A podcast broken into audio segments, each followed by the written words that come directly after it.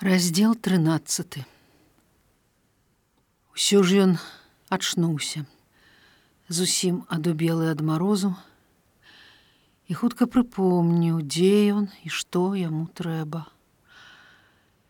Яго апошняя мэта жыла ў ім, нават калі знікала прытомнасць, Ён толькі не ведаў, колькі мінула часу і на што ён здольны яшчэ першую хвіліну ён нават спалохаўся, падумаўшы, што спазніўся. Над дарогай ляжала цішыня, ніадкуль не далятала ні гуку. У поле мяло, вакол шархаціў ветер. Лейтенанта занесла снегам, руки яго так змерзлі, што ён не мог паварушыць пальцамі. Але ён памятаў што павінен успаўсці на дарогу, толькі там яго шлях мог быць скончаны.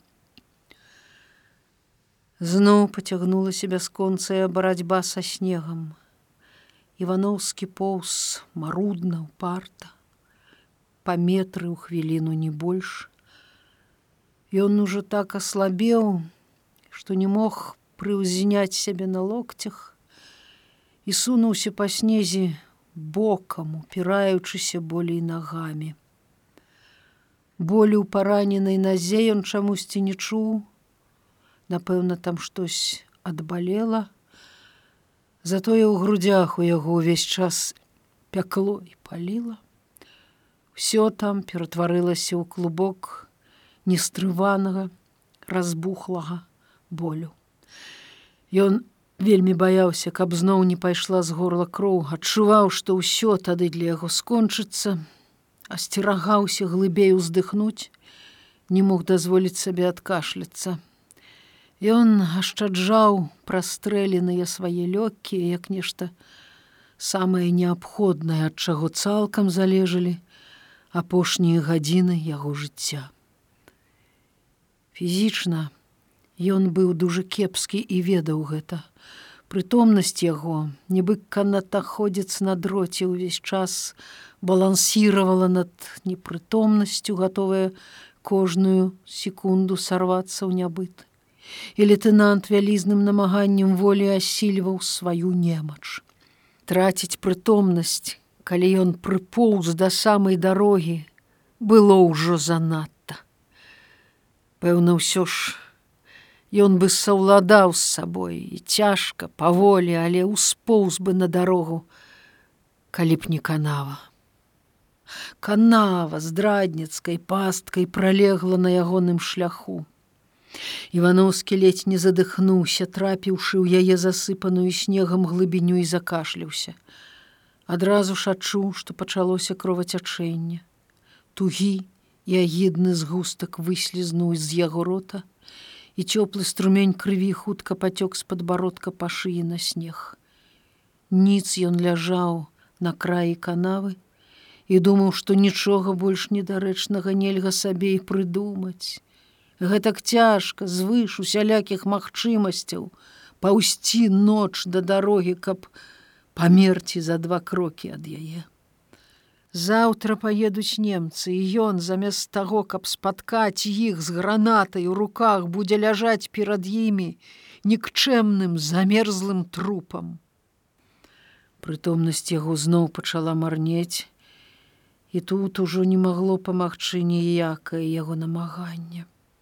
Погляд заслала змрокам. Увесь свет звузеў у яго адчуваннях, да маленечкай светлаватай кропкі, якая вельмі хутка меншала. І вось гэтая кропка пагасла. Але ўсё ж і на гэты раз штосьці перамагло ў ім смерць, і яго спакутаванае цела вярнулася да жыцця. Без жаднага намагання з ягонага боку, кропка зноў засвяцілася і ён раптам зноў адчуў вакол снег сцюжу і сябе ў ёй поўнага немачы і болю Ён адразу ж заварушыўся затузаўся стараючыся У што б там не стала вырвацца са снегавой пасткі канавы, успаўсці на дарогу. Пакуль ён быў жывы, ён павінен быў заняць апошнюю сваю пазіцыю і там скончыць жыццё. І ён усё ж выбраўся з гэтай канавы. Бокам узваліў наддарожны край цела, прапоўз яшчэ крокі чатыры і аціх, ужо не маючы ніякае сілы. Але пад ім была каляя, Ён добра адчуваў яе сваім целам, аб'ехаць яго было немагчыма, Тады ён коротко сцішана ўздыхнуў і пачаў рыхтаваць гранату. З гранатай, аднак давялося папакутаваць доўгам, уже яшчэ даўжэй, чым у канаве. Непаслухмяныя памарожаныя пальцы яго, здаецца, зусім страцілі адчуванне. Некалькі хвілін ён марна імкнуўся развязаць імі кавалак бінта, якім граната была прывязана да дзягі, але так і не здолеў яго развязаць. Пальцы слепа блукалі па сцягне. Ён нават не мог намацаць імі канцы завязкі, і гэта было так неверагодна і так жахліва. Ён ледзь не заплакаў ад такой нечаканай здрады ўласных рук. Але сапраўды руки першыя пачалі не слухацца яго. Тады ён локцем уперся ў важкі кругляк гранаты і сабраўшы ўсе сілы, якія яшчэ былі ў яго, даўлянуў ім на гранату ўніз да сцягна, штосьці там лопнула, і ён адчуў, што адарваўшыся ад дзягі, граната ляжала ў снезе пад ім. Але відаць, ён надта многа патраціў на тое сілы і больш нічога не мог. Ён доўга ляжаў каляіне, якую замятала віхурай і думаў, што так яго, мабыць, і замяце снегам. Зрэшты, цяпер няхай замятае, спяшацца ўжо не было куды. Ён дасягнуў сваёй мэтай, цяпер толькі б управіцца з гранатай. Няслушнымі акалелымі рукамі ён усё ж намацаў яе металічную ручку, але чаку разагнуць не здолеў.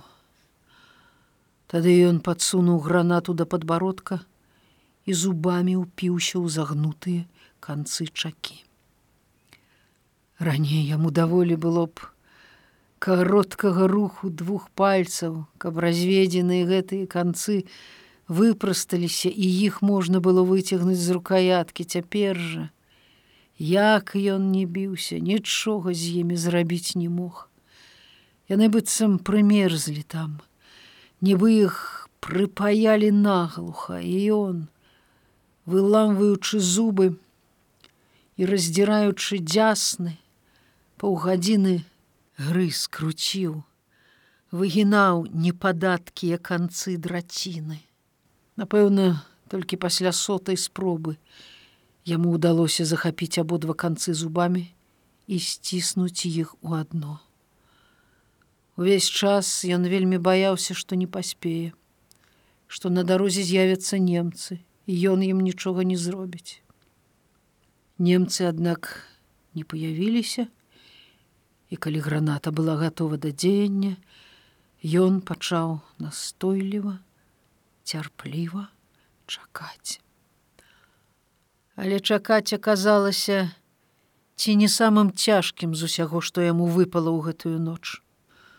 Чуйным абвостраным слыхам ён лавіў кожны гук у полі, ды апроч несціханага шуму ветру ніякіх гукаў вакол не было чуваць. Дарога, што вымусіла яго на звышмагчымыя намаганні і да якой ён гэтак імкнуўся ляжала пустая. Усё навокал сціхла, заснула.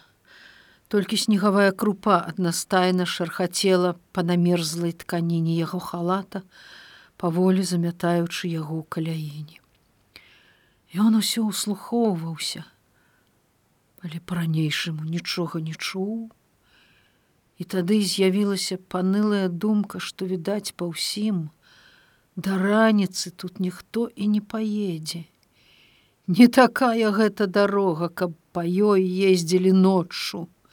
Хіба што нехта выткнецца ранкам.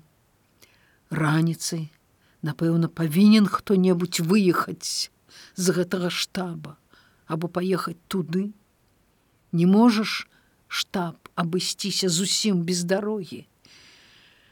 Але колькі яшчэ заставалася да гэтага ранку, гадзіна ці пяць, Ён не меў уяўлення.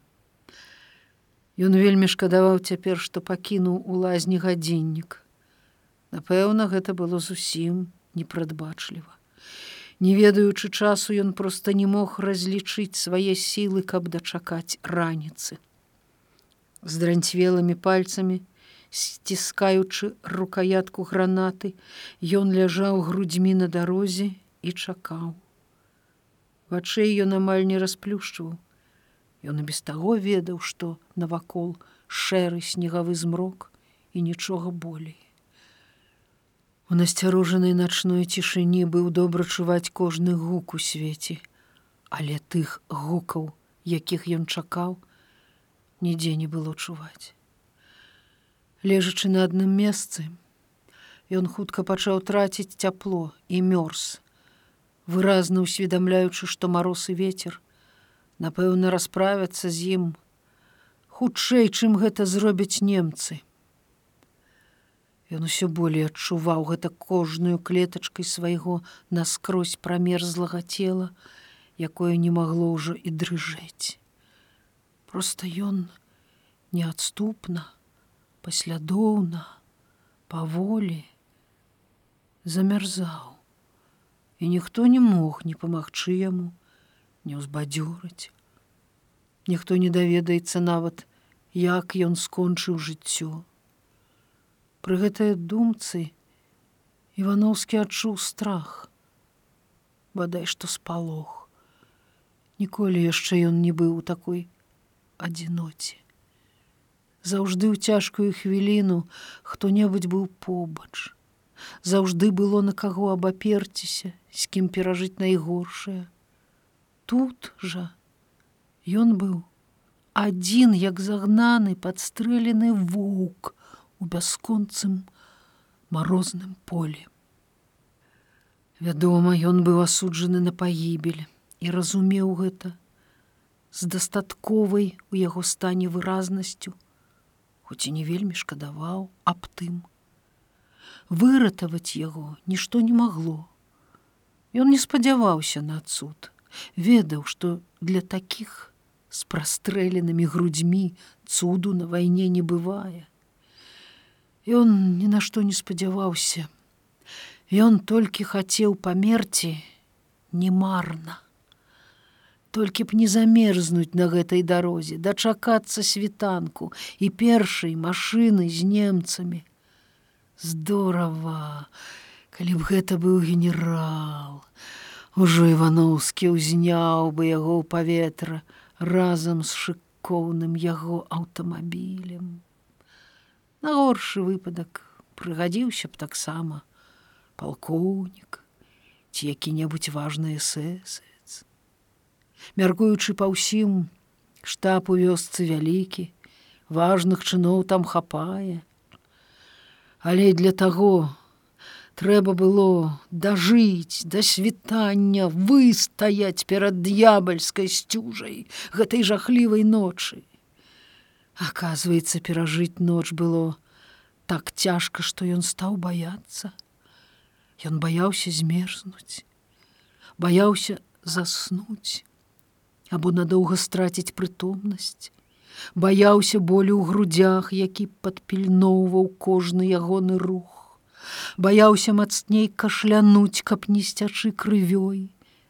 На гэтай праклятай дарозе яго пільнавалі спрэс небяспекі, якія ён павінен быў перамагчы, абхітрыць, адужаць, каб датрываць да ранку рук сваіх ён амаль ужо не адчуваў, але цяпер пачалі дранцвець ногі. Ён паспрабаваў паварушыць пальцамі ў боце, але гэта яму не ўдалося. Тады, каб неяк утрымаць цяпло, што хутка пакідала цела, ён пачаў стукаць змерзлымі ботамі аб дарогу. У начной цішыні ззаду пачуўся глухі ўстрывожаны грукат, ён перастаў. Ног ён не сагрэў ніколькі, але самому стала кепска. І ён адчуўшы, што траціць прытомнасць, апошнім намаганнем сунуў пад сябе гранату. Гранату цяпер ён вымушаны быў берагчы больш за жыццё. Без гранаты ўсё яго існаванне на гэтай дарозе адразу страчвала сэнс. Пасля глыбокага правалу ў свядомасці, за якім наступіў доўгі прамежак ліпкай бяссільнай знямогі, Ён зноў адчуў пранізлівы люты холад і амаль жахнуўся. Здавалася, гэтай ночы не будзе канца, і ніякія ягоныя хітрыкі не дапамогуць яму датрываць да ранку. Але як жа можа так быць? Ледзьве не крычаў у ім поўны пратэсту амаль роспачны голас. Няўжо ж так нічога і не выйдзе. Дзеля чаго ж тады? выдаткавана столькі яго намаганняў і яго сілы. Няўжо ж усе яны прападуць марна. Але ж яны прадукт яго матэрыяльнага я. І самі, напэўна, матэрыяльныя, як кожная энергія. Яны ж знясіленае яго цела і пралітае ім кроў, чаму ж яны павінны ў гэтым матэрыяльным свеце прапасці без следу, ператварыцца ў нішто. Тым не менш ён амаль пэўна ведаў, што ўсё скончыцца кепска і адначасна адмаўляўся разумець гэта. Ён хацеў верыць, што ўсё зробленае ім у такіх пакутах павінна недзе адбіцца, у чымсьці выявіцца, няхай не сёння, не тут, не на гэтай дарозе, можа, у іншым месцы, праз нейкі няпэўны час. Але ж павінна яго пакутлівая смерць, як і тысячы іншых не меней пакутлівых смерцяў прывесці да нейкага выніку на гэтай вайне. Інакш, як жа гінуць у пустой безнадзейнасці адносна сваёй патрэбы на гэтай зямлі і ў гэтай вайне. Ён жа для чагось нарадзіўся, жыў. Столькі змагаўся, цярпеў, праліў сваю гарачую кроў і цяпер у пакутах аддаваў жыццё. Павінен жа ў гэтым быць нейкі, хай не дужа каб значны, але ўсё ж чалавечы сэнс. І ён раптам паверыў, што будзе, што абавязкова будзе, што ніякія з чалавечых пакутаў не пазбаўлены сэнсу на гэтым свеце, тым больш салдацкія пакуты і салдацкая кроў, пралітая за гэту непрытульную, мерзлую, але ж такую сваю зямлю. Ёсць у гэтым сэнс. І будзе вынік, іначай не можа бо іначай не павінна быць. Яму б толькі дажыць да світання. Тым часам мароз дабраўся ўжо да яго нутра, і лейтенант адчуваў гэта. Краем прыцьмелай свядомасці ён сачыў за тым, як сцюжа, марудна, але няўхільна авалодавала яго абяскроўленым целам і лічыў кароткія хвіліны, якія яму яшчэ засталіся. Аднойчы расплюшчыўшы вочы, ён раптам здзівіўся і з натугай расплюшчыў іх шырай. Над полем світала. Цемра, якая здавалася век шчыльным покрывам, аблягала зямлю, трохі прыўзнялася над ёй, у полі стала прастарней праяснілася неба, і ў ім выразна адбілася заінелае вяршалле бяроз. у прытуманеную ранкам далячынь імкнула перамеценая завеяй дарога. Ухапіўшы ўсё гэта адным позіркам, які тым не менш амаль знясіліў яго, Лейтенант хацеў апусціць галаву, як раптам штосьці ўбачыў. Здалося спярша, што гэта машына, але калі ён лепей угледзеўся, дык зразумеў, што гэта фурманка. Стомлены працяглай увагай, ён палажыў галаву на снег, адчуваючы ў сабе збянтэжанасць, страх і надзею адначасна. Вялізнае, як прысуд пытання паўстала перад ім, хто едзе ў фурманцы. Калі сяляне калгаснікі, дык гэта быў цуд, у які ён нядаўна яшчэ не хацеў поверыць, да яго набліжаўся паратунак. Калі ж немцы, не, ён ніяк не мог сцяміць, чаму гэты ранішні час, з вёскі, у якой атабарыўся вялікі штаб павінны паявіцца з фурманкаю немцы. Усё ў ім паўстала супраць такога недарэчнага меркавання, бо цэлую ноч ён чакаў, чаго хочаш, але ўжо не абозную фурманку з паклажай, да якой яму не было ніякай справы. Тым не менш, гэта была фурманка. І яна памалу, да яго набліжалася. Ужо сталі відаць і запрэжаныя ў яе коні, пара укормленых рыжаватых бцюгоў, якія махаючы кароткімі хвастамі лёгка амаль без натугі цягнулі за сабой грувастка накладзены саломай воз. На самым яго версе сядзелі два немцы. Адзін з іх варушыў лейцамі, і абодва яны ціха між сабой размаўлялі. Івановскі заціх у каляіне, зусім аглушаны тым, што ўбачыў. Такога нешанцавання ён не мог і прадбачыць. Пасля столькіх смерцяў, пакут і перажыванняў замест базы боепрыпасаў, замест генерала, у шыкоўны мопель адміралі і нават штабнога з портфелем палкоўніка, яму, наканавана ўзарваць двух нягеглых абознікаў з возам саломы. Але, мабыць, іншага ўжо не будзе. Па крайняй меры для яго нічога ўжо не будзе. І он рабіў свой апошні ўзнос для радзімы у імя свайго салдацкага абавязку. Іншыя, болей значныя ўзносы перападуць іншым.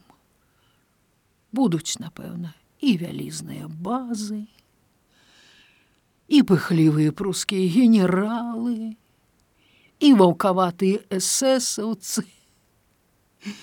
Яму ж выпалі абознікі.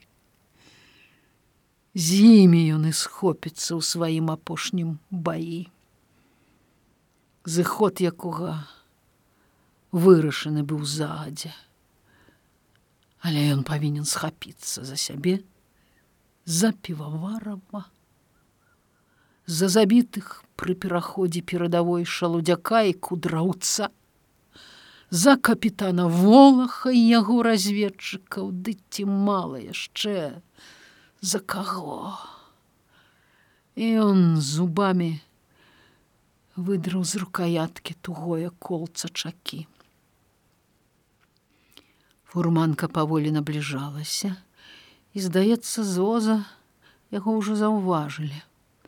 Немец з паднятым каўняром шыняля, што сядзеў да яго бокам, яшчэ гергетаў нешта, а другі у насунутой на вушы пілотцы, што кіраваў коньмі, ужо выцягнуў шыю, углядаючыся ў дарогу.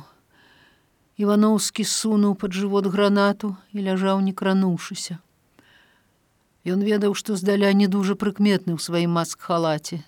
Зноў жа ў каляіне яго трохі прымяло снегам, стараючыся не варухнуцца і амаль зусім перастаўшы дыхаць.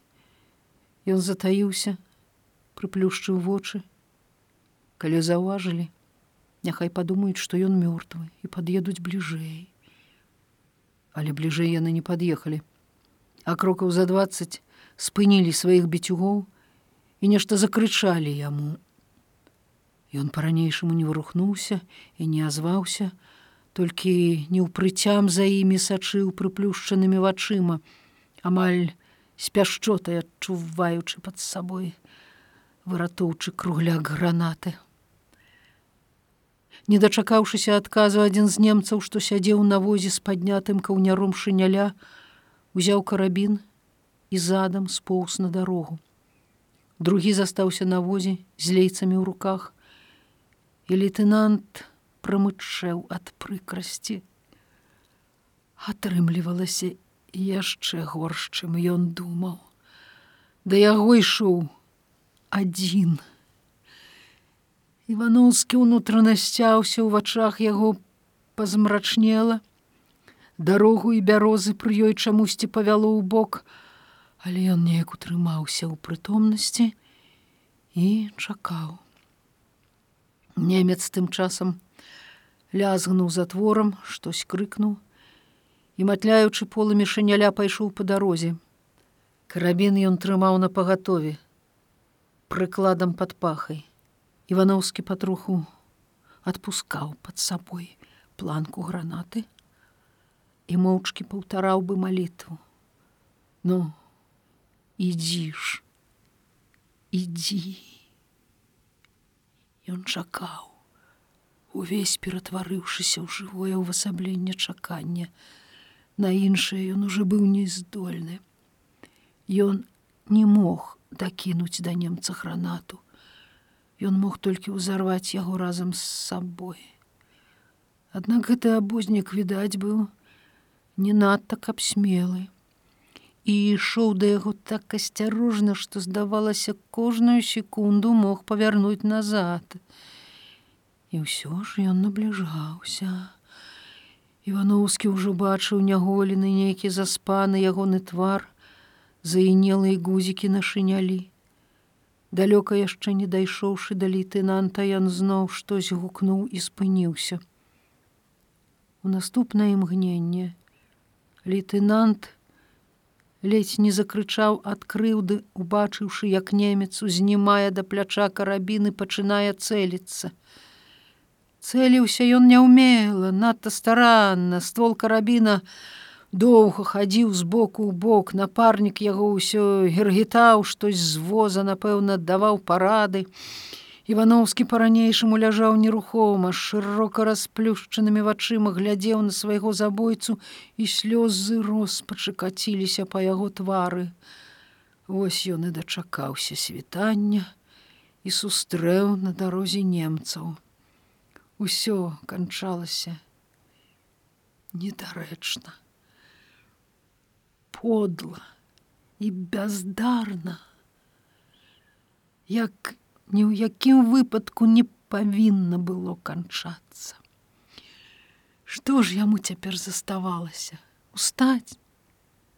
Крыкнуць? Подняць угору руки або ціха і пакорна прыняць гэту апошнюю кулю ва ўпор, каб назаўсёды знікнуць з твару зямлі. Вядома, ён знікне. Цяпер яму засталося некалькі лічаных секунд, за якімі настане вечны вялікі спакой. У ягоным становішчы гэта было нават зманліва, бо адразу вызваляла ад пакут але застануцца жыць іншыя. Яны перамогуць. Ім аднаўляць гэту зялёную шчаслівую зямлю. Дыхаць на поўныя грудзі і кахаць. Але хто ведае, ці не залежыць шчаслівы іх лёс ад таго, як памрэ на гэтай дарозе 22гадовы камандзір узвода лейтенант Івановскі.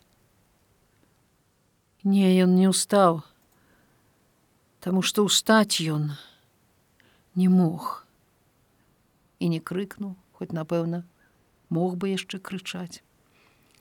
Ён толькі здрыгануўся, калі ў ранішняй чуйнай цішы грымнуў вінтовачны стрэл, яшчэ адна куля пілася ў яго акрываўленае цело. Яна ударыла яму ў плячо, напэўна, разбіла лапатку. Але ўсё роўна ён не паварушыўся і не застагнаў нават. У апошняй натузе сцяў зубы назаўжды ўжо заплюшчыў заінелыя вейкі. З апошняй трапяткою надзеяй ён слухаў набліжэнне чужых незнаёмых крокаў і думаў, што магчыма яшчэ і не ўсё страчана, можа яшчэ і удасца. Якісьці з самы мізэрны шанец у яго яшчэ заставаўся памалу, вельмі асцярожна, трываючы новы пякельны боль. Ён паварочваўся на бок, каб вызваліць з-пад цела гранату. І ён вызваліў яе якраз у той момант, калі крокі на дарозе сціхлі недзе паблізу. Ён адчуў тады побач тугі пружыністы рывок планкі. І тут жа нечакана гулка ляснуў узрывальнік. Немец коротко крыкнуў, Мабыць, кінуўся прэч. Івановскі паспеў яшчэ ўчуць два яго спалоханых крокі. І болей нічога не ўчуў. Праз некалькі секунд, калі асеў перамешаны са снегам пыл, яго ўжо не было на гэтай дарозе. Толькі невялікая варонка курылася на ветры ў адной каляіне. Вакол на размеценым снезе ляжалі мёрзлыя камякі зямлі. Фурманка з растрэсенай навокал саломай абярнулася на бок. Ля яе, спрабуючы ўстаць на ногі, біўся укормлены рыжы біцюх, а за канавай ляжаў ніц адкінуты выбухам труп немца. Другога не было відаць.